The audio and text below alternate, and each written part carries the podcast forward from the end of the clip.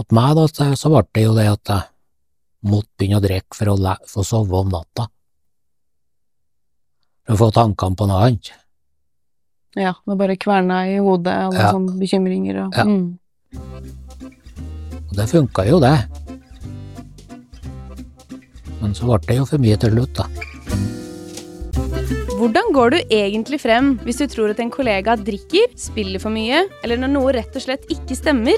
I denne podkasten tar vi opp temaer som av mange oppleves utfordrende å snakke om, og hvordan du går frem for å gjøre noe med det.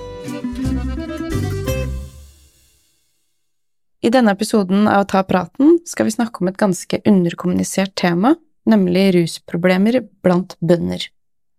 En yrkesgruppe som stort sett jobber alene, med veldig få rundt seg, har eh, få eller ingen kolleger som kan fange opp om det er noe galt, mye fysisk eh, arbeid, en del økonomiske bekymringer, og det er generelt et tema som det har vært snakket og forsket veldig, veldig lite på, om egentlig ingenting. Og vi har med oss eh, tre gjester. Det er Aina Winsvold, prosjektleder og ruralisforsker. Velkommen. Takk.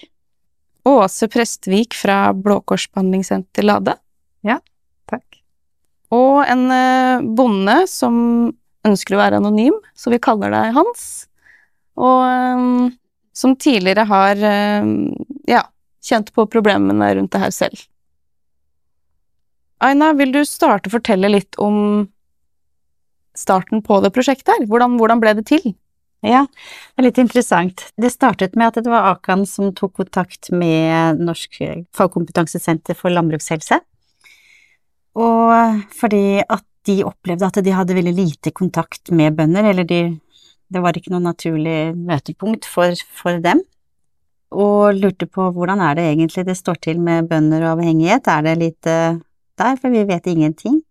Det, ikke, det var ikke så mye kunnskap å hente andre steder heller. Eh, og så tok Nasjonalt fagkompetansesenter for landbrukshelse kontakt ved Britt Logstein. Tok kontakt med Blå Kors og Norsk landbruksrådgivning og Bondelaget. Og meg da, som da jobbet hovedsakelig som forsker i ruralis, men nå er jeg også ansatt ved Nasjonalt fagkompetansesenter for landbrukshelse. Nei, og så ble vi en gruppe som eh, diskuterte mye frem og tilbake. Vi hadde, hadde veldig gode diskusjoner, hvordan er det det egentlig ser ut, og alle sa at det, det var både innenfor landbruk og innenfor rusfeltet, så var det lite, lite kunnskap om det, man visste Mm. nesten ingenting.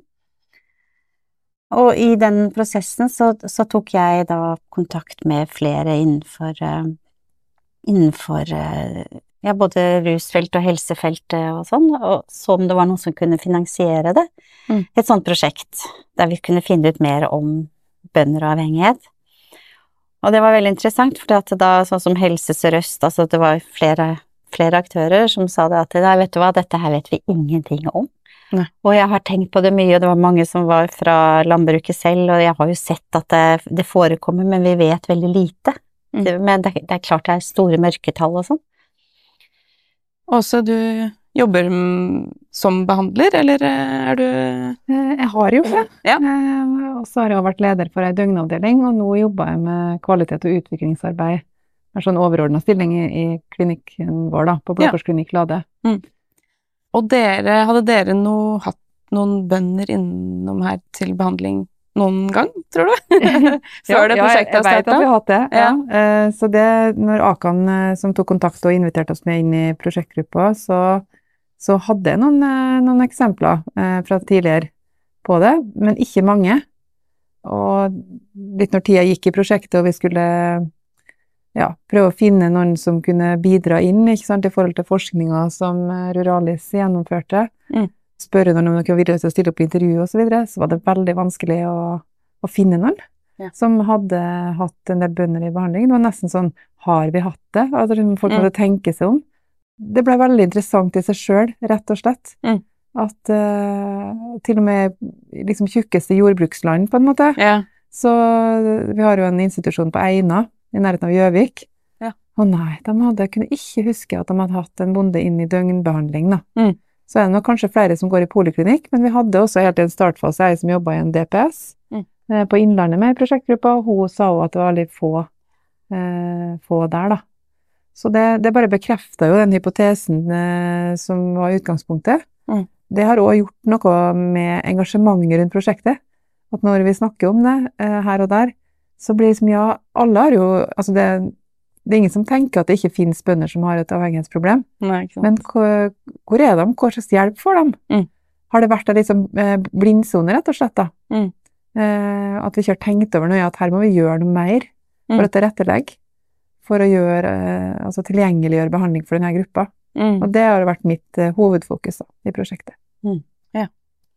Jeg også opplevde det, sånn ved Borgestadklinikken, altså, som midt i tjukkeste bondelandet. Det var det, nei, bønder, nei, jeg kan ikke tenke Mm. at vi har hatt det. Og så var det jo en av de lederne som skulle høre med sine ansatte om de kjente til noen eh, som hadde, som hadde hatt, altså, ute i, i klinikken. Ingen som kunne komme på noe, ikke en eneste Mm. gang. Men vi tok jo utgangspunkt i de eksemplene som vi hadde. Mm. Og da, bare de få eksemplene, ga oss jo mye eh, rundt det å reflektere rundt hva, er, hva er det som er særlige utfordringer knytta til det å være bonde Ja. eh, og utvikle et avhengighetsproblem som du trenger hjelp for. Mm.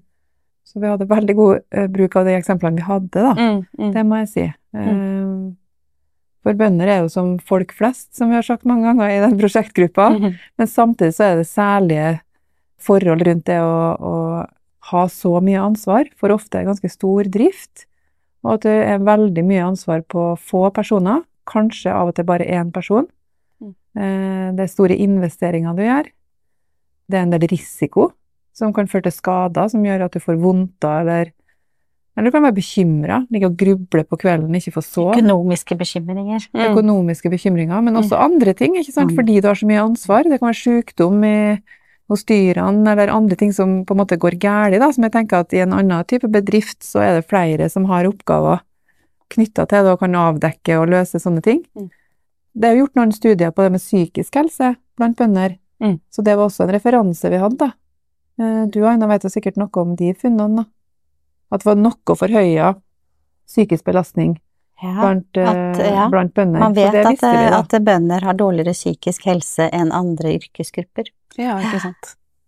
Og det er jo ofte et Ja, tematikk som Det- henger det er jo, sammen, Ja, det er jo faktisk det. Sånn at eh, vi tenkte at det er jo litt rart om ikke bønder skulle da kunne ha problematisk forbruk av eh, ja, både medisiner og, og alkohol. Mm. Sånn at eh, mm, det Hans, du eh, er jo en del av, eller var i hvert fall en del av den yrkesgruppa der som Åse beskriver med kanskje de utfordringene som en bonde har. Hvis du skulle tatt oss med på en liksom, typisk dag på gården hos deg, når starter den, når slutter den, hva, hva For å ta oss litt inn i hvordan en, en dag kan se ut for en bonde. Som mot meg så starter den igjen klokka seks. Og da må du ut til fjøset, se der. Da fortsetter jo dagen, helt til du legger deg egentlig, for å sove. Ja. Det, det er jo en vanlig arbeidsdag, den starter jo seks. Og aller ferdig i fjøset før i sju om kvelden. Kveldsstellet, da. Og så må du jo dit en gang igjen før du legger deg òg, for å se over en sånn kveldsrunde, som vi kaller det. Så det arbeidsdagen, han, er mens du er våken. Og du bor jo også på, Ja, ja, på, bor, på jobb, holdt jeg på å si. han bor jo på arbeidsplassen. Ja, ikke sant. Så hadde du en hel administrasjon, sikkert, Ja, det blir jo til slutt. etter klokka sju. Ja, Ja. da begynner papirarbeid. Ja. For det er ikke tida til på dagtid. Så du har på en måte dobbeltvakt, og så tar du litt administrasjon til slutt der, da.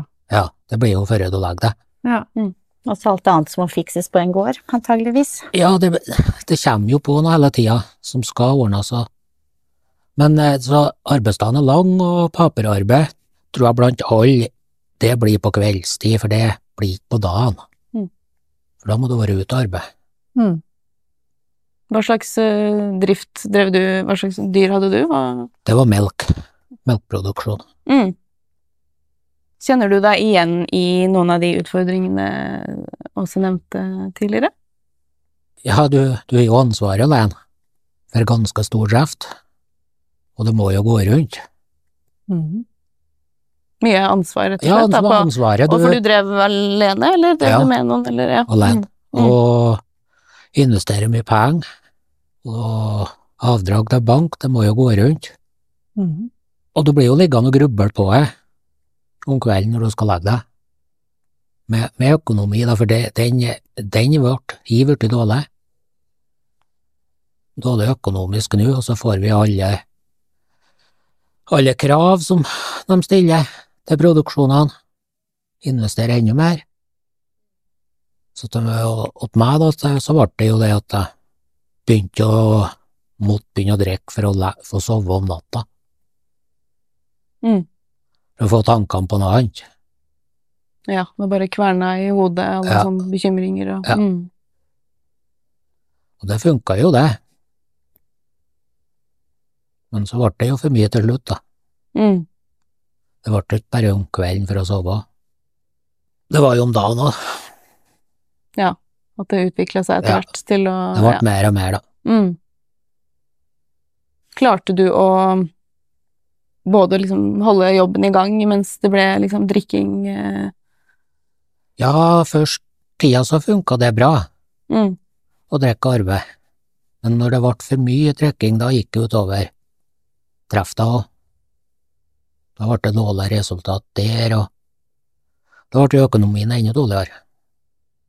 Og det er veldig spesielt at eh, hvis man møter berusa på, på jobb, for eksempel på min jobb, eller der Aina jobber, så vil det veldig fort bli oppdaga Mm. og påpekt. Det håper jeg nå i hvert fall virkelig. Mm. Mens når man er på en gård, så, og man måtte både bo der og leve der, så, så blir man ikke sett på den måten. Og det kan jo gjøre at en avhengighet kan utvikle seg over tid, uten at noen gir tilbakemelding på det og tar tak i det, Mm. og at det kan gå for langt, da, på en måte, eller lenger enn en skulle ønska når en først får tatt tak. Ja, det er jo ingen som eh, Ingen som oppdager så fort på en gård, vet du, for at der kan du jo gå flere dager nesten alene uten at du treffer folk. Mm. Mm. Ja, for hvem er en typisk person du møter, kunne møte i jobben, da, som, på, som bonde? Nei, det må jo være en dyrlege, det, da, Mm. som du må ha i fjøset. Ellers så trenger du ikke å treffe folk. Jo Tine, Tine-sjåførene, kanskje? Ja, dem kan jo, men da, dem kommer jo på de som virkelig er i fjøset kan være, da, og da treffer jo ikke dem heller. Så det er ja, kanskje stort sett veterinærer eh, Veterinærer og sånt. hvor, hvor lenge slet du med, med alkoholen? Før det liksom, ja, heldigvis eh, skjedde noe i ditt liv, da. For å være helt ærlig så husker jeg ikke på noe hvor mange år det var. Nei, men, Men det, mange det, var, det ble noen år. Ja. Og det ble jo dårlig, dårlig drift på fjøset til slutt, og dårlig kvalitet ble på melk. Ble melk hentestopp noen ganger. Melka var ikke For å komme inn på meieriet, så måtte bare tappe. mm, Han som oppdaga meg sånn som at jeg innrømte først at det var noe tull, det var dyrlegen. Det var en dyrlege som, som kom innom på, på en sjekk, eller? Nei, jeg, ringte dyrlegen da, for da måtte han komme og hjelpe meg å, å få noe stell på dyra, så vi fikk melk å levere. Og det har han gjort før, han da, to-tre ganger kanskje. Mm, Og når han kom den gangen, så da sa han nei. Nei. Da måtte vi gjøre noe annet, sa han. Det måtte være noe som var galt igjen. Ja. Så han var bare innom døra, og jeg og han snakka, og Og da ble det nå ble det jo jeg og han snakka jo, vi fant jo ut begge hva som problemet var. så han så deg, da. Ja, ja, ja. Mm, Men han kom og hjalp meg etterpå, ja. Han hjalp meg mye etterpå, det dyrlegen. Hva var, det som, hva var det du tror gjorde at du klarte å liksom fortelle til han? Jeg var bare nødt til å fortelle for å få det, få, få det på stell i fjøset igjen. Ja. For da han, når jeg var ærlig til han, så hjalp han meg. Og da, da kalte han inn, ja, først kom han og så hjalp han i fjøset å få i gang det, og så hadde vi stort, et stort sånn eh, møte med både meg, dyrlegen, slakteri, bank, og jeg har vært ihop med det banken jeg har, det gangen. For jeg har jo en stabel med regninger som skulle vært betalt, det var jo bare rot. Mm. Og banken sa nei, de var ikke med lenger. Men han eh, dyrlegen, han Jeg sa det at jeg hadde lyst til å skifte bank, egentlig, da. Ja, han skulle snakke med en rådgiver på det banken hadde lyst til å gå til, da. Så har vi den store møtet på det banken. Og da var jeg jo ærlig til dem.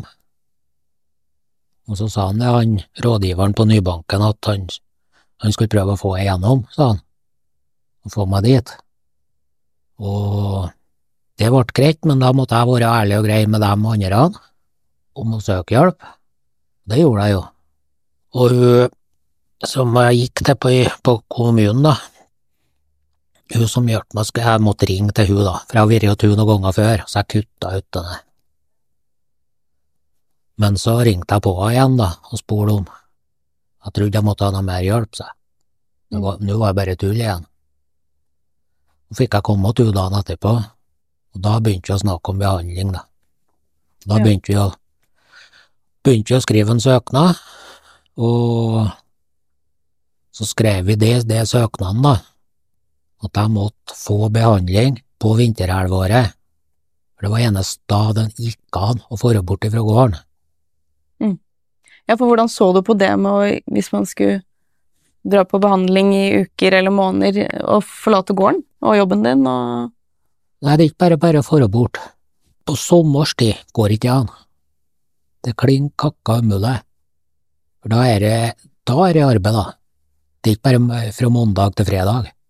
Det er hver dag hele sommerhalvåret. Så vi skrev i det søknaden Mm. at jeg måtte ønske behandling på vinterhalvåret. Den ble vel levert, tror jeg, på november, og rett før jul var jeg borte i postkassen. Der lå det vedtak på at jeg skulle få behandling, og da skulle jeg møte rett etter jul. Mm. Da fikk jeg som jeg ønska. Hva følte du når du leste det brevet, da? Eller? Jeg var jo både glad og spent, og jækla spent på hvordan det skulle gå. Mm. Og jeg har jo, har jo fått hjelp til å Jeg var jo sjukmeldt, da, vet du, så jeg har jo, har jo avløser, da. Så det var jo bare å henne, da, og så har jeg en kompis som stilte opp òg, attåt avløseren, pluss sønnen min. Og da var det bare å dra. Så du fikk, eh, ja, fikk liksom fikk, fått litt hjelp på gården nå, så, det var, Ja. så du kunne fokusere på å bli bedre? Ja, de, de lovte meg dem at de skulle ta seg av denne. Mm. Og han kompisen min, han har jo sagt det mange ganger, at, at hvis jeg, jeg for, eller fikk behandling av det, så skulle jo han stille opp og hjelpe til. Mm. Og til avløseren, da. Ja, det er viktig å ha fine folk rundt seg. Ja, Når man selv klarer å på en måte be om den hjelpa òg, da. Det er jo ikke sant, mange faktorer som, som spiller inn eh, på det der. ja, Og det er det mange som nevner. Akkurat det å, å ha folk rundt seg, å ha et nettverk som stiller opp, eller som ser en, som at man har sosiale møteplasser, at man kan på en måte ha et sosialt liv der man blir sett. Mm. Og det er kjempeviktig. Det er veldig mange som kommer til det. Mm. Mm.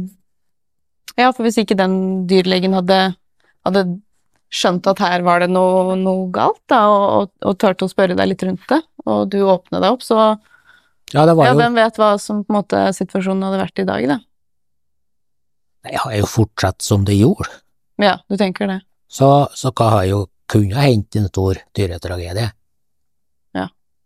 Kan ha gjort. Mm. Skal ikke se bort.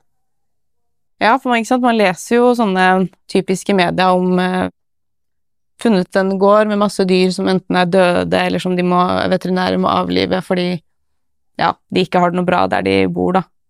Tenker dere at det kan ligge noe sånn her i bakgrunnen, da? At det er en, en bonde som ikke har det så bra, kanskje? Eller altså Som regel så er det det. Ja. At man har Det behøver ikke være rus, men det kan jo også være mental helse. At man Mm. har, får store psykiske problemer etter hvert. Det kan jo også være noe som, som eskalerer mer og mer. Det er vel ofte det. Det er vel ofte en grunn for dyretragedier. Det, det er en annen grunn bak Mm. dyretragediene, vet du. Det er vel- Det er jo noen som ikke har fått hjelp. Helt klart. Det Mm. tenker jeg òg. Mm. Det er jo ingen som har fjøset fullt av dyr og ønsker dem at de skal svelte i hjel. Det er jo Det er jo han som eier som er, er kle, dårlig sjøl. Mm. Jeg tror man har prøvd alt, det, da. At, uh, altså for jeg tenker at her er det jo de bøndene som, eh, som er bak de sakene som du ser i media, som ofte blir kalt en dyretragedie. Da er det en menneskelig tragedie, eller en Det er en stor familietragedie, kan Eh, være. Egentlig kunne like godt stått det eh, som, som overskrift. Selvfølgelig, tenker jeg, må det være det. Og at man har prøvd det meste, og det gjelder jo alle som vi møter i behandling, så har jo folk prøvd sjøl. De fleste ser jo ikke vi heller, som har et rusproblem som kommer ut av det. Er man heldig å ta tak i det tidlig, så vil jo mange kunne komme ut av det på egen hånd, eller med hjelp av sitt eget nettverk. Men litt sånn som Hans her beskriver, da, eh, så er det ja, med bekymringer som vedvarer over tid. Det kan være smerter etter en skade, eksempel, eller noe som ikke går over så lett, da, på en måte. Pluss at du ikke blir sett, sånn at du ikke får de derre Du, er helt greit med det nå, eller ikke sant, er spørsmålene om Går det nå så greit med det? Mm. Så er det med på å bidra, da, tror jeg, at det, at det dessverre kan gå altfor langt, og selvfølgelig veldig mye lenger enn de noen gang kunne ønska seg sjøl. Mm.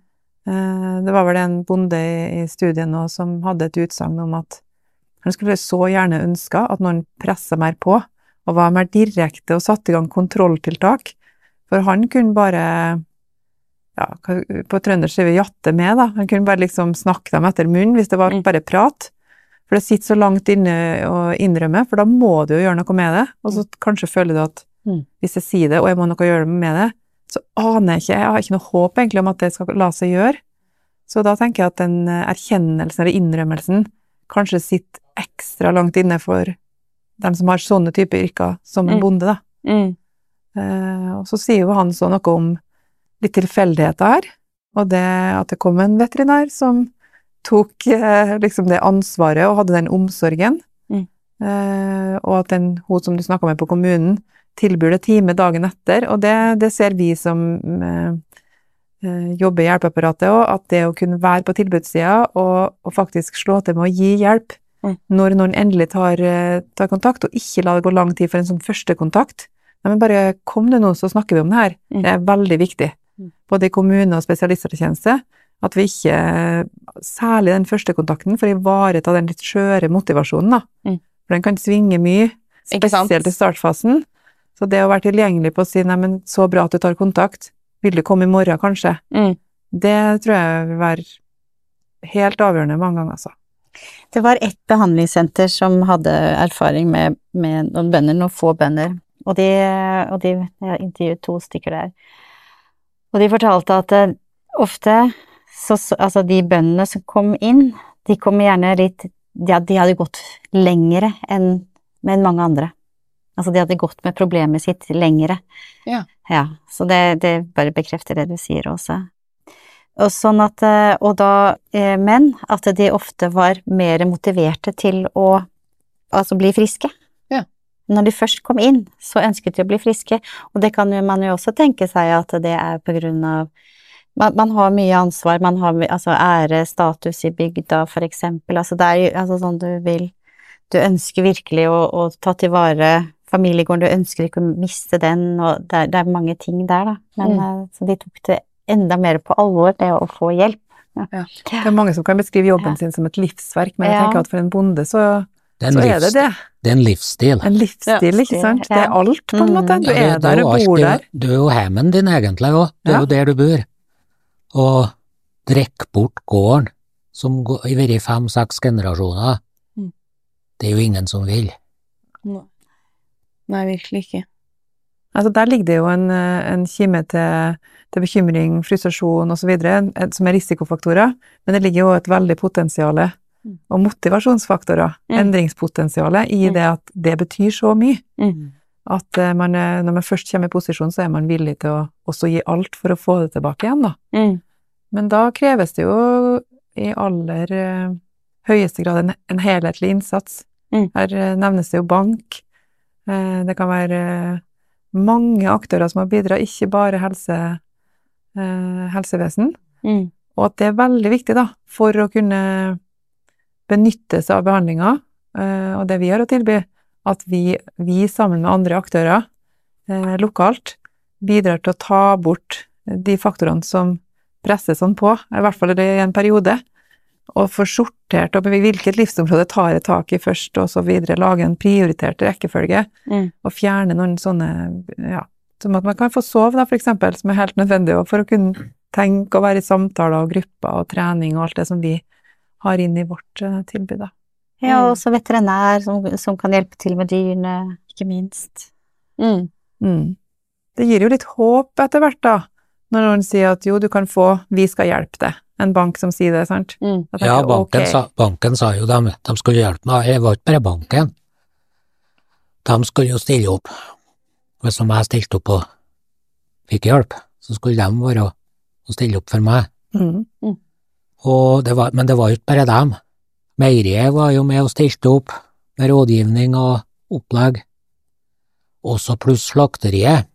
Det var så dårlig i fjøset at de måtte sende mye produksjonsdyr på slakt. Melkdyr. Og dem lette nye dyr og kom kjørende med, så vi, så vi klarte å holde produksjonen opp. Så det er ære være dem, dem på slakteriet òg. Det viser jo litt sånn, hvis man strekker ut en hånd, at Det måtte mange til. Mm. Men at folk er villige til å, til å hjelpe, og det mm. Ja, når jeg ville ta imot hjelp, så Ja. skulle de hjelpe meg, Ja. sa de. Og det er erfaringen vår ellers òg. Ja. At det sitter så utrolig langt inne å erkjenne det her. Det forbinder med mye skam og veldig mye håpløshet etter hvert, og man føler seg utrolig alene. Mm. Og at ingen forstår hvor fælt man har det, og hvordan man skal komme ut av det. Men når man først får hosta det fram i en eller annen sammenheng, så er jo folk villige til å stille opp. Mm. Det har jeg nesten til gode å høre, at man blir eh, avvist da, altså. På jobben, eller om det er i venneflokken. Eh, Folk har jo kanskje ant at det var noe, eller folk har jo absolutt visst at det var noe. De har egentlig sittet og venta på å få hjelpe til, ofte.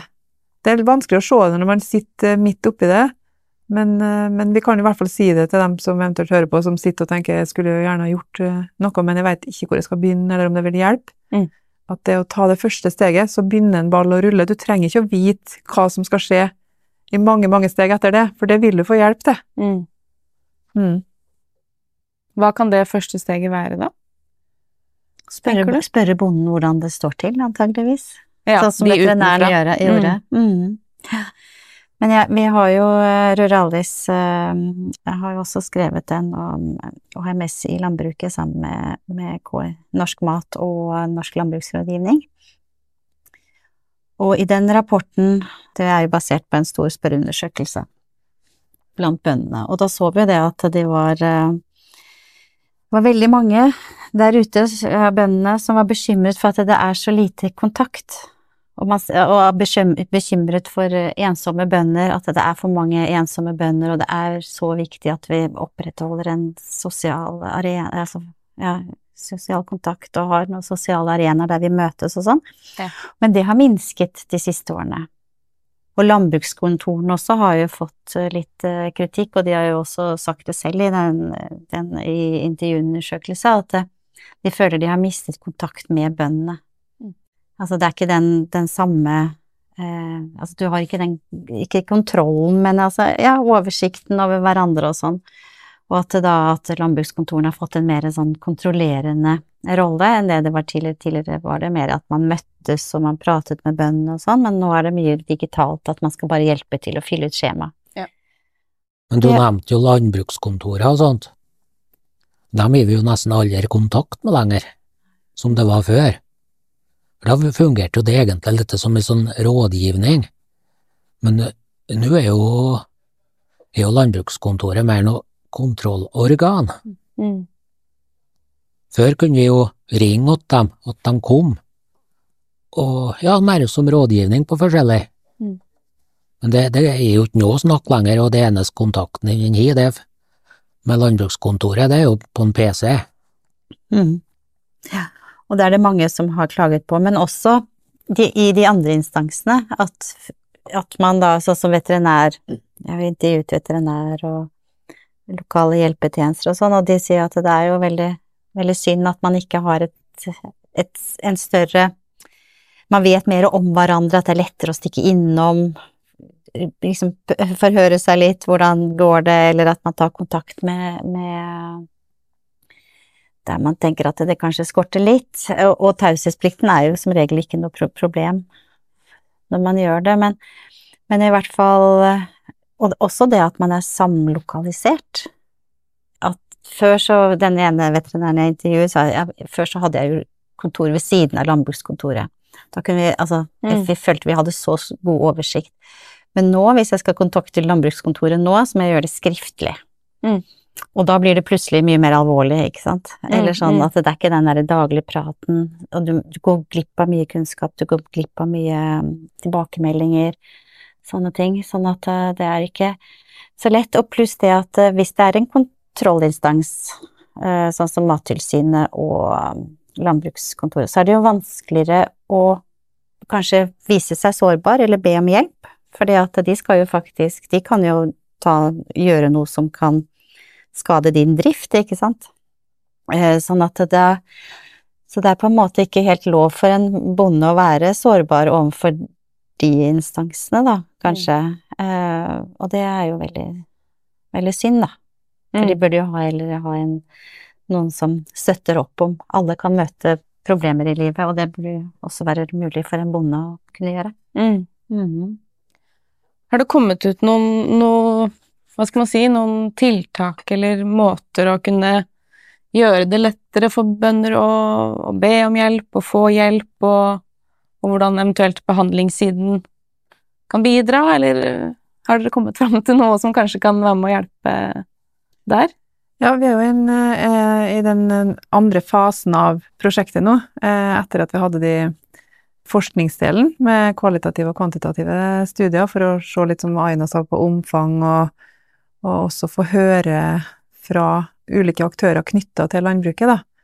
Eh, Så, så nå er vi mer i, i, den tiltaks- og aktivitetsfasen. Eh, Så da eh, gjør vi en rekke innsatser for å både dele de resultatene vi har fra undersøkelsene, bevisstgjøre rundt det her. Mm. Og det skaper egentlig, ja, fra før undersøkelsen, men ikke minst etterpå, da, veldig mye engasjement. Ja, Mm. det er sant, det. Ja, det her er jo kjempeviktig. Det her skal vi være oppmerksom på. Så det, det er lett å begeistre folk, hvis du skjønner meg. Det er jo en tragi, tragisk utgangspunkt, men, men folk blir opptatt av at de har lyst til å være oppmerksom på det og, og gjøre en innsats, da. Ja. Så vi er ute hos uh, ulike instanser og forteller om studien, og, og også forteller om hvordan, fra mitt ståsted, da, hvordan kan uh, behandlingsapparatet legge til rette, som litt som vi var inne på i stad, med som han, hans forstår, så kan han si hvis jeg skal innlegges, så må det bli den perioden. Og så har du Det er jo et, eh, det er jo et formelt system rundt at det å få helsehjelp i spesialisthelsetjenesten. Men hvis du får, en, eh, får et tilbud, og så ser du at oi, den datoen for innleggelse, det, det går ikke for meg, at vi da kan utvise en fleksibilitet. Eh, og det finnes det absolutt rom for i vårt Mm. system.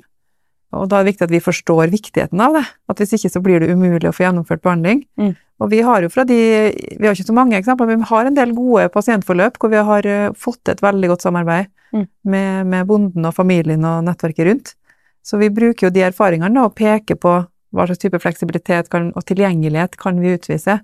Også det å reise ambulant, altså reise ut til dem, og ikke forvente Ja. at noen skal reise så langt til oss.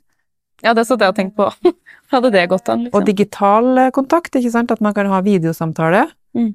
Det har jo vært litt sånn uvant, men pandemien hjalp oss jo godt i gang med det. Eh, Så veldig mye foregår sånn, og da får man jo også sett et ansikt. Eh, Det kan være på telefon, sånn som vi ofte har gjort før, så- klart. Men det er jo et veldig eh, ja, potent virkemiddel da, for å gjøre det lettere Mm. i den herre 24-7-hverdagen til bonden, da. Og få, at den kan sette seg inn på kontoret hjem Mm. og ha en samtale, da. Mm. Det, det er både tidsbesparende og i det hele tatt.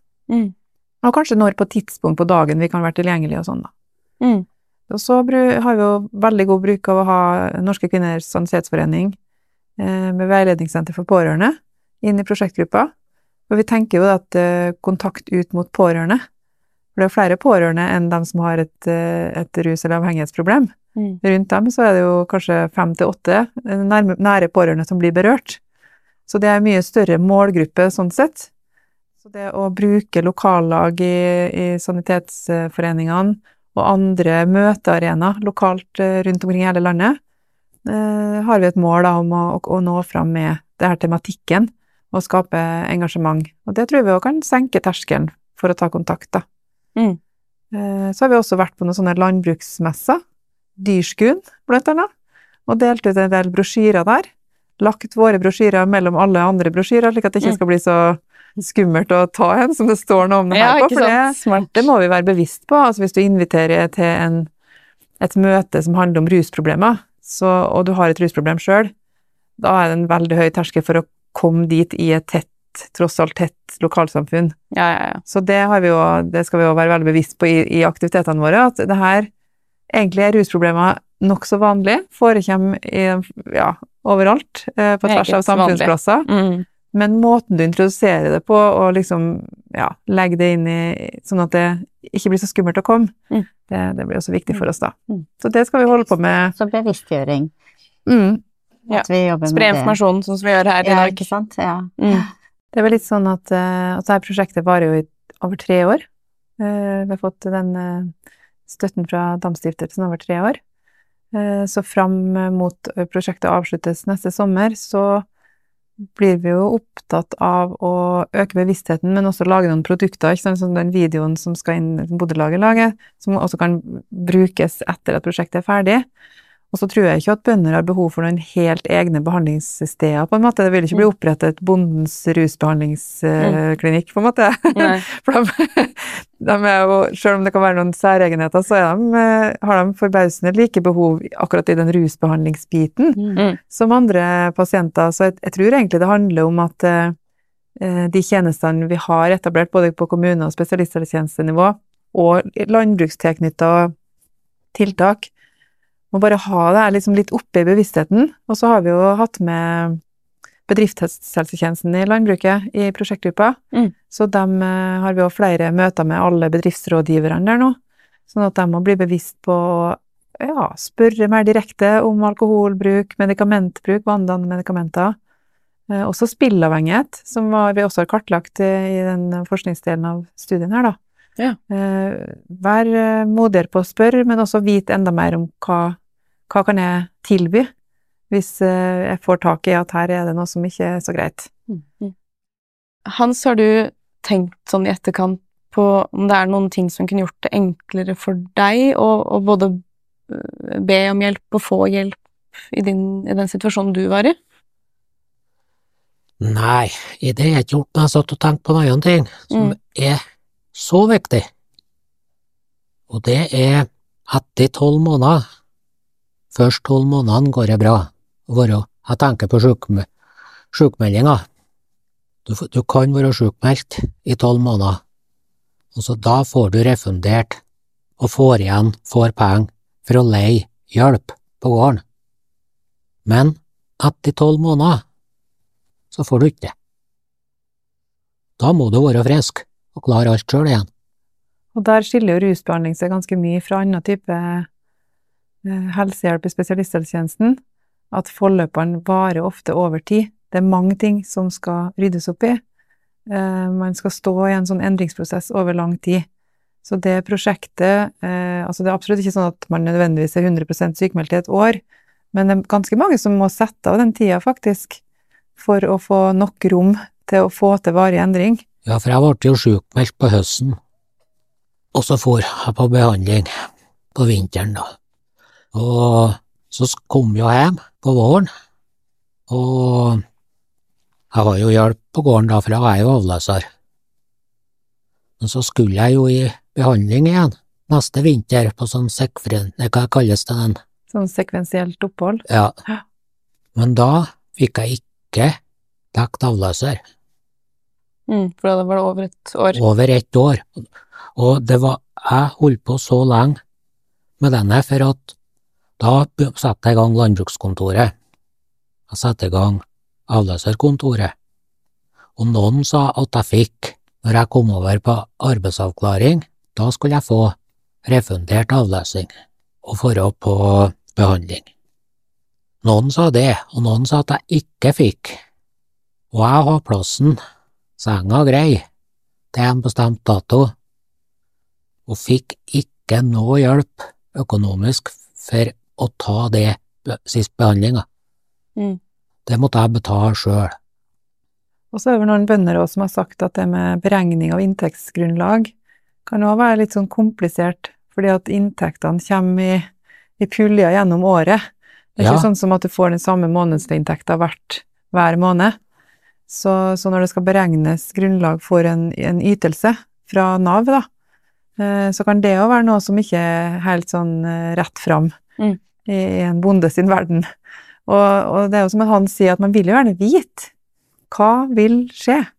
Eh, Mm. hva får jeg av støtte? Det, jo, det har jo med ansvar og pliktfølelse å gjøre, som er, så det er en veldig eh, ja, positiv og sunn greie, da. Mm. Eh, og ønsker å ha det på plass. Så, så det er jo absolutt noe som vi har løfta fram fra, fra de eh, undersøkelsene til Bondelaget, blant annet, Mm. og, og jobbe for bønder sine rettigheter, da. Mm. Og fremme dem i, i riktige fora, også for Nav, slik at, eh, at det blir en større forutsigbarhet. Når man først ber om hjelp, så må også sånne ting fungere, da. Ja, Ja, det altså syns jeg Bondelaget skulle ha gjort noe med i forhandlingene og forhandle til, så vi må få hjelp etter tolv måneder. Ja, for det er vel eh, god investering. Altså, eh, for hver krone du bruker i rusbehandling, så får du jo titusener tilbake, vil jeg si. Altså sånn samfunnsøkonomisk. Det å tilrettelegge for at noen får eh, en sånn behandling at de ikke ruser seg lenger, og kan komme tilbake til en familie som trenger dem, eh, til en jobb som de kan eh, tjene penger og betale skatt ifra, og være en ressurs i lokalsamfunnet. Ikke sant? Det er enormt av verdier som, eh, som, som eh, står på spill, da. Mm. Så det, det er viktig jo, å få fram. Og det virker jo veldig sprøtt å skulle betale for såpass lang rusbehandling, men plutselig så er det stopp, og, da, og det kan, da kan man jo risikere at, at vedkommende går tilbake igjen til eh, i rusmisbruk, og da er jo alt ødelagt. Mm. Eh, Det er jo helt håpløst, egentlig, at man ikke skal kunne Ja, det er en håpløs situasjon. Ja. Men vi vil i hvert fall få, få det litt fram, at det, det er spesielt i forhold til å altså Selvfølgelig kan det bli komplikasjoner når man opererer en fot eller noe så videre også, men det er mye mer avgrensa, ikke sant? Sånn at det her med, med rusbehandling, det, det varer over tid, og da må man tenke litt annerledes i forhold til støtteordninger. Rusbehandling Eh, er ikke ferdig på tolv måneder. Nei. nei, de fleste bruker lang tid på, på ja, Du er ikke frisk rydde etter tolv både innvendig og utvendig, skulle jeg til å si. Ikke sant? eh, Det- på, det er på veldig ikke, mange livsområder. Mm. Det er ikke liksom du er ferdig og du slutter å drikke, og så er uh, problemet borte. Det, Nei. det kan sikkert du skrive under på, Hans. At det, Nei, det, er ikke, det er mye man skal gjennom, da. ja, det er ikke snudd på natta, det. Nei. Men uh, når du etter, eller underveis og etter du hadde vært i behandling, hvordan, hvordan gikk det med det da, eller hvordan går det med det i dag? Det går bra med meg i dag. Det gjør det. Og det er jo takket være at jeg har fått mye hjelp. Mm. Jeg har fått mye hjelp gjennom behandlinga og støtte av dem rundt meg etter hvert. Du valgte jo å invitere familien din i behandling òg, Ja, så det var jo Ja. ganske mange flere enn det det var ikke som bare jeg, det. fikk eh, muligheten til å si hvordan det her hadde vært for dem, og, og hjelp til å kunne stå i, i det videre, da. Ja, det var ikke bare jeg som Jeg som eh, de tok seg av, de tok seg jo av familien òg, når jeg var i behandling. Mm. Det gjorde de jo på andre oppholdet òg, jeg var på. Ja, det er jo som du nevner med det pårørende, det, Ja. det går utover flere enn seg selv. eh. Ja, det, så det, det er bra, den. Bra opplegg, det. Så bra. Det viser jo, ja, at man hvis man klarer den, selv om det er utrolig viktig, det vanskelig ofte, da, sant, be om hjelp eller klare å prate om det, så, så er jo i hvert fall eh, din historie et eksempel på at må, det kan gå bra, da. Du må nå først innrømme sjøl at du er i problem, Ikke sant? og det, det er ikke så enkelt. Nei, og så det er ikke et krav fra oss heller, da. Faktisk kan det høres litt rart ut. Men det er mange som kommer hit som er litt sånn ikke kanskje helt klar til å si hvor stort problemet har vært, eller at de skal slutte helt å drikke eller ruse seg. Og det er helt greit. Eh, vi starter der den som det blir pasient, vi kaller det, da. Mm. Der pasienten er. Og det må ofte være at pårørende eller andre er mer motivert enn pasienten, sånn i starten.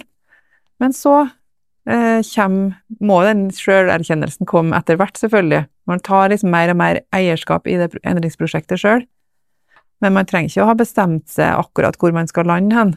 Mm. Det er greit å være i svevet når det kommer til oss, så begynner vi der. Det, det er litt viktig å si, faktisk. Mm. At man kan være litt uenig med både kjerring og arbeidsgiver om hvor stort eller eh, problematisk det her er. Mm. Men at det må skje noe, og så tenker jeg ok, jeg får ta det, eh, selv om jeg føler meg litt pressa, for eksempel, da. Mm. Men, eh, men som regel så er erfaringa vår at uh, vi bruker tid på å bli kjent, vi, vi må liksom finne til hva er din motivasjon? Mm. Hvordan du opplever at dette blir problematisk? Og så etter det så inviterer vi som regel familie inn, da, i samarbeid med pasienten. Og så kommer vi dit etter hvert. Mm. Mm. Vi har jo selvfølgelig nå snakka mye om, om bønder og det yrket. Men jeg tenker litt sånn, er det lignende yrker, for eksempel enkeltpersonsforetak, eh, andre yrker som på en måte kan dra litt eh, lærdom av det prosjektet her? Ja, jeg tenker det innenfor primærnæringen. Altså både fiskere og skogbrukere og sånn, som, som opplever litt lignende ting som en bonde kan gjøre. At det er mye ensomt arbeid. Ja, og man trenger kanskje en litt annen tilpasning enn enn, eh, andre yrkesgrupper. Mm. Vi har også snakka om at det kan gjelde gründere, ikke sant? Folk som er driftige, kreative, starter opp en egen bedrift. Eh, også satser kanskje egne midler og, og det er store summer i spill inntil man liksom når igjennom. Mm. At de kan også oppleve å ha veldig mye risiko knytta til, til seg sjøl eller få personer, da. Og, og ikke har et sånn type apparat som en arbeidsgiver eller kollega og, osv. i, i en sånn Akan-samarbeid, eksempel, når et alkoholproblem blir, Mm. blir avdekka. Eller selvstendig næringsdrivende òg, som trenger ikke være gründere, men det kan være Jeg tror det er en del paralleller, selv om de eh, ikke har dyr i fjøs og, og ikke så mye vedlikeholdsoppgaver. Det er en del særlige ting med bønder, det tror jeg.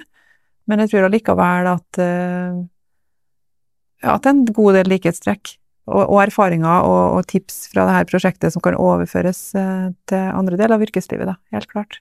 Mm. Mm, Mange som driver enkeltmannsforetak og holder på alene, det er jo det. Mhm.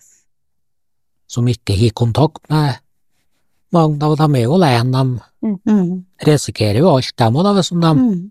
Ja, er akkurat det. i behandling.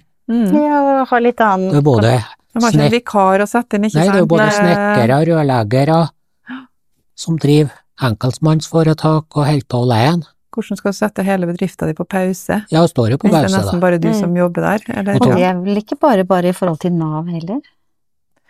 Alle enkeltmannsforetak har stort problem opp imot Nav. Mhm. Mm. Ja, Det har jeg inkludert skjønt at det har også vært mye klager på. Ja, alle Mm. enkeltmannsforetak blir behandla likt i Nav, da.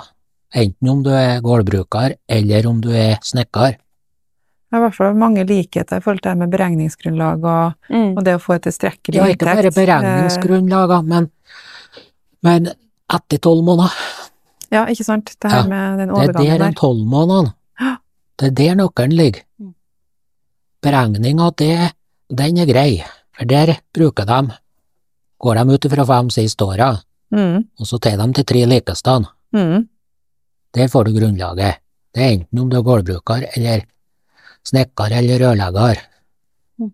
Men når du er f- gått over tolv månedene, det er da problemet kommer. ja, for da får du litt over 60% av inntekta. Ja. Mm. Og det er klart at det er en brå overgang for eh, ja, alle det, men eh, spesielt hvis du har store lån og som står på deg sjøl, da. Mm. Mm. Det er det ingen tvil om. Mm. liksom målet for prosjektet Det var nesten sånn å starte på en måte på scratch når det gjelder det temaet her, hvis jeg forstår det riktig. Ja, det var det egentlig. Ja, Ja, ikke sant, da- ja. vi Jeg hadde jo kontakt med han Willy Pedersen, han eh, mest kjente alkohol- eller avhengighetsforskeren i Norge, og han, eh, han syntes jo prosjektet vårt var ve veldig interessant. Han sa at det er, jo, det er jo ikke noe kunnskap om dette her i det hele tatt. Det har jo aldri vært noe tema, det har ikke vært noen som har tatt opp, som har tenkt at dette her kan jo være andre utfordringer. Mm. Og, og jeg tenker også sånn eh, Jeg tenker at man må også få frem dette her med at det finnes jo noen spesielle utfordringer som da også kan fortelle mer om, men dette her med at man faktisk kan miste førerkortet hvis man har et rusproblem, og man kan miste våpenlisens, man ikke kan gå på jakt, og det Mm. er jo ofte veldig nødvendig for en, eller det er ganske viktig for en bonde, da, å, å, å ha det, Ja. ikke sant? Sånn at eh, det er jo også noe som bør kanskje diskuteres litt mer, og ja, at det skapes litt bevissthet om det. Jeg vet ikke helt hva du tenker om det også, hvordan det skulle kunne Skulle man kunne si at man burde ha en mer avventende holdning til å ta fra en bonde som faktisk søker hjelp? For vi vet jo om en bonde, for eksempel, som har trukket seg for behandling fordi at han var redd for å miste dette. Ja. Nå er det ikke sånn at det går en automatikk i det at hvis du søker rusbehandling, så må du levere fra deg førerkortet. Men jeg tror mange tror at det er slik, Ja. så det i seg sjøl er en sperre. Ja. Det skal gjøres en individuell vurdering, og det er ikke en straff for at du har kjørt med promille eller rus, i ruspåvirka tilstand. Den forskrifta sitt formål er å forebygge at noen som eh, har eh, inntatt rusmidler over tid, som vi vet at svekker særlig fremre deler av hjernen, da, som du trenger at er i sving når du skal kjøre bil, Mm. som er en komplisert oppgave egentlig, ikke sant, med oppmerksomhet, konsentrasjon, reaksjonsevne osv. Man ønsker å forebygge ulykker, at man kjører på noen, eller osv., ikke sant, skade seg sjøl eller andre. Så det er formålet med den forskrifta. Eh, Men det vi opplever i behandlingsapparatet, er at, eh, at det kommer som en veldig negativ overraskelse på mange når de blir søkt rusbehandling, at eh, fastlegen har ikke kommet i posisjon, eller har ikke fått forklart at det her også kan bli et tema Mm. når du kommer i rusbehandling. Mm. Så da skjønner jeg veldig godt at mange opplever det som et, eh, et sjokk.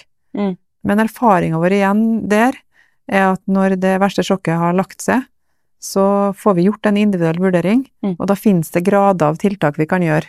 Mm. Det er noe som heter kjørekarens, altså en midlertidig, midlertidig tiltak om å ikke kunne kjøre i en, en bil i en periode Mm. mens du dokumenterer rusfrihet, og det er noe annet enn å levere inn førerkortet sitt til politiet. Det kan også være en sånn advarsel, på en måte at nå er du i grenseland her, at vi tar en blodprøve og så ser at du ligger i grenseland til å ha en sånn moderat eller forhøya eh, alkoholbruk, da, for eksempel. Slik at det, det er en rekke ting vi, vi kartlegger, da, så det Men jeg skjønner at det, er- det er også en terskel, ikke sant, som, mange, som gjør at mange kan kvie seg Mm. for å ta kontakt med hjelpeapparatet.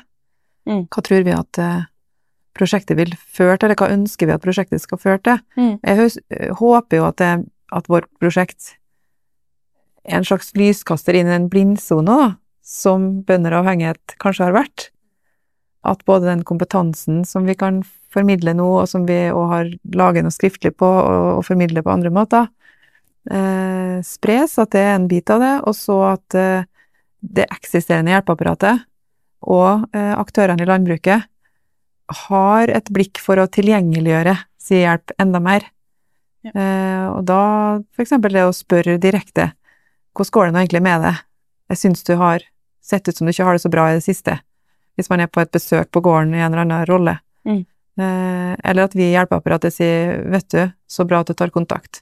Kom gjerne innom i morgen, så begynner vi derfra. Eh, ikke bidrar til mer hindringer, for det har vært nok hindringer til det liksom, hva skal jeg si, når, eh, når den rosa elefanten er ute Mm. out in the open, så må vi være parat til å stille opp, og med ganske mye, Og tilrettelegge. for at vi skal få det til. Ja, Mm. og tilrettelegge for det. Mm. Så det, Mm. det, det håper vi virkelig. Og, og også at det da kan bli laget flere sosiale arenaer. At man satser litt på det der ute. Både i regi av myndigheter og lokallag og, At man blir litt mer bevisst på det, det er jo også fint. At pårørende føler seg tryggere på å søke hjelp, gå videre, bli mer eh, bevisste på sin situasjon, ja. Mm. Det å forebygge ensomhet generelt, det, Mm. det forebygger jo ikke bare rusproblemer, men det, for, altså det gjør jo at man kan dele erfaringer, dele bekymringer. Så det Mm. forebygger jo på en måte psykiske utfordringer, Mm. og skaper jo en trivsel, da, en bedre Mm. hverdag. Så jeg tenker man kan oppnå veldig mye med det uten å ha rusforebygging som overskrift, da. At det kanskje har skjedd noe med den sosiale kontakten, det har du ellers i samfunnet òg, men kanskje særlig hvis man bor litt lenger unna bygda, på en måte, eller sentrum, ikke sant, og, og har mye arbeid som man utfører alene, Mm. så har man litt behov for at det skjer ting jevnlig, så man får truffet folk og prata og delt engasjementet sitt, Mm. og rett og slett vært synlig for andre, da. Det er jo Mm. sånn vi, Ja. vi trenger jo det. Alle trenger det. Mm. Mm. At folk blir mindre redde for å konfrontere en som, eller ikke konfrontere som hardt, men å spørre igjen hvis man mistenker at ikke det står helt bra til, at man blir mer avslappet med å kunne gjøre det. Spørre faktisk hvordan, hvordan går det, og hva kan vi gjøre. Mm. Ja, det var jo din, din historie et, et godt eksempel på, da. Tørre å, å bry seg. Ja, de stilte opp. Det, det, men vi- det er jo ensomt yrke, Mm. Mm. så det er jo ikke mye sosialt. Nei, så hvis du først sliter, så kan du jo gå i en negativ spiral. Ja, da blir det jo automatisk negativt, da, da burer du inn deg, da Mm. kvier deg jo da jo til å treffe folk òg. Ja, Mm. den baller bare på Mm. seg, liksom. Ja, det blir jo det. Mm. Du, det blir jo ikke, du søker jo opp noen folk heller til slutt, da. Og da blir det jo det. Ja. Litt sånn isolere seg litt, kanskje.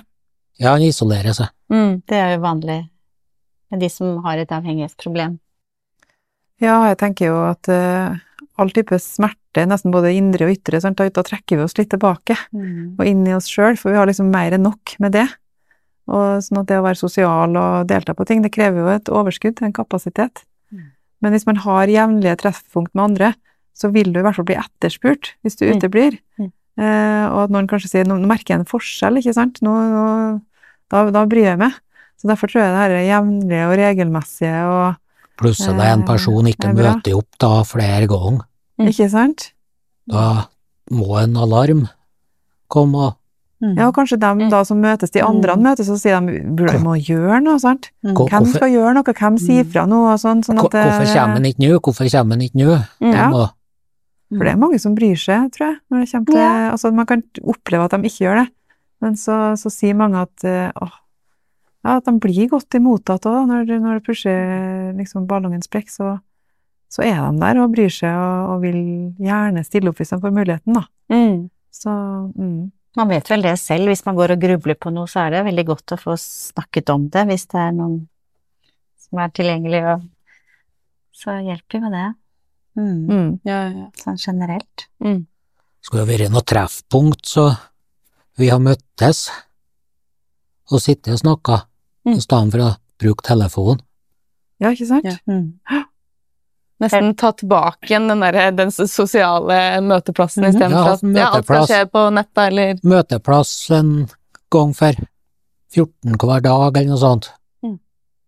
Jeg tror jo folk eh, både all, overalt i samfunnet, men helt sikkert bønder òg, ikke sant. Vi sitter jo mye på telefon og, og scroller, og liksom det gjør jo at vi trekker oss litt tilbake, ikke sant. Og Ja. som du sier, møtes ansikt til ansikt, det har en egen kvalitet. Det er mye likere, og, da, så, mm.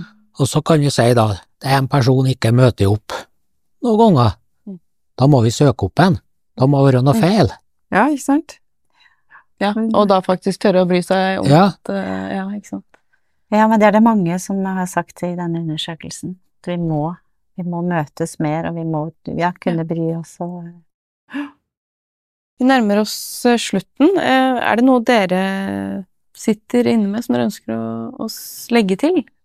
Det hadde vært litt artig hvis det var noen som hørte den podkasten her, og så etterpå tok med seg liksom til lunsjen på, på jobben på kommunehelsetjenesten, eller, eller i rusbehandling, eller ja, overalt, egentlig. Da. Litt sånn, ja, det her med bønder og avhengighet, og så tenkte jeg, hva, hva er det som gjør at vi liksom ikke har tenkt på det, og ja, at de, at de får litt sånn inspirasjon til å, til å tenke hva kan vi gjøre Mm. for å gjøre oss mer tilgjengelig? eh, bry oss mer. Mm. Det hadde jo virkelig vært uh, utrolig bra, hvis det, Mhm. hvis det Ja, hvis ført dette til det. blir en liten sånn Mm. Man kan eh, engasjere seg litt over etter man har hørt på den, da.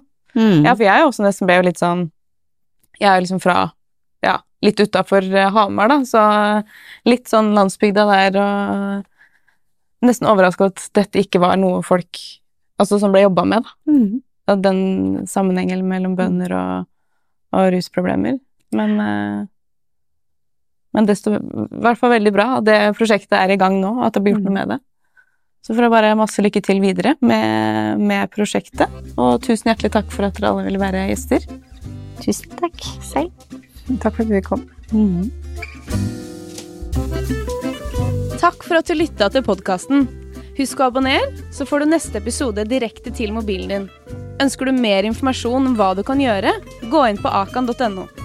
Er du bekymra? Ta praten.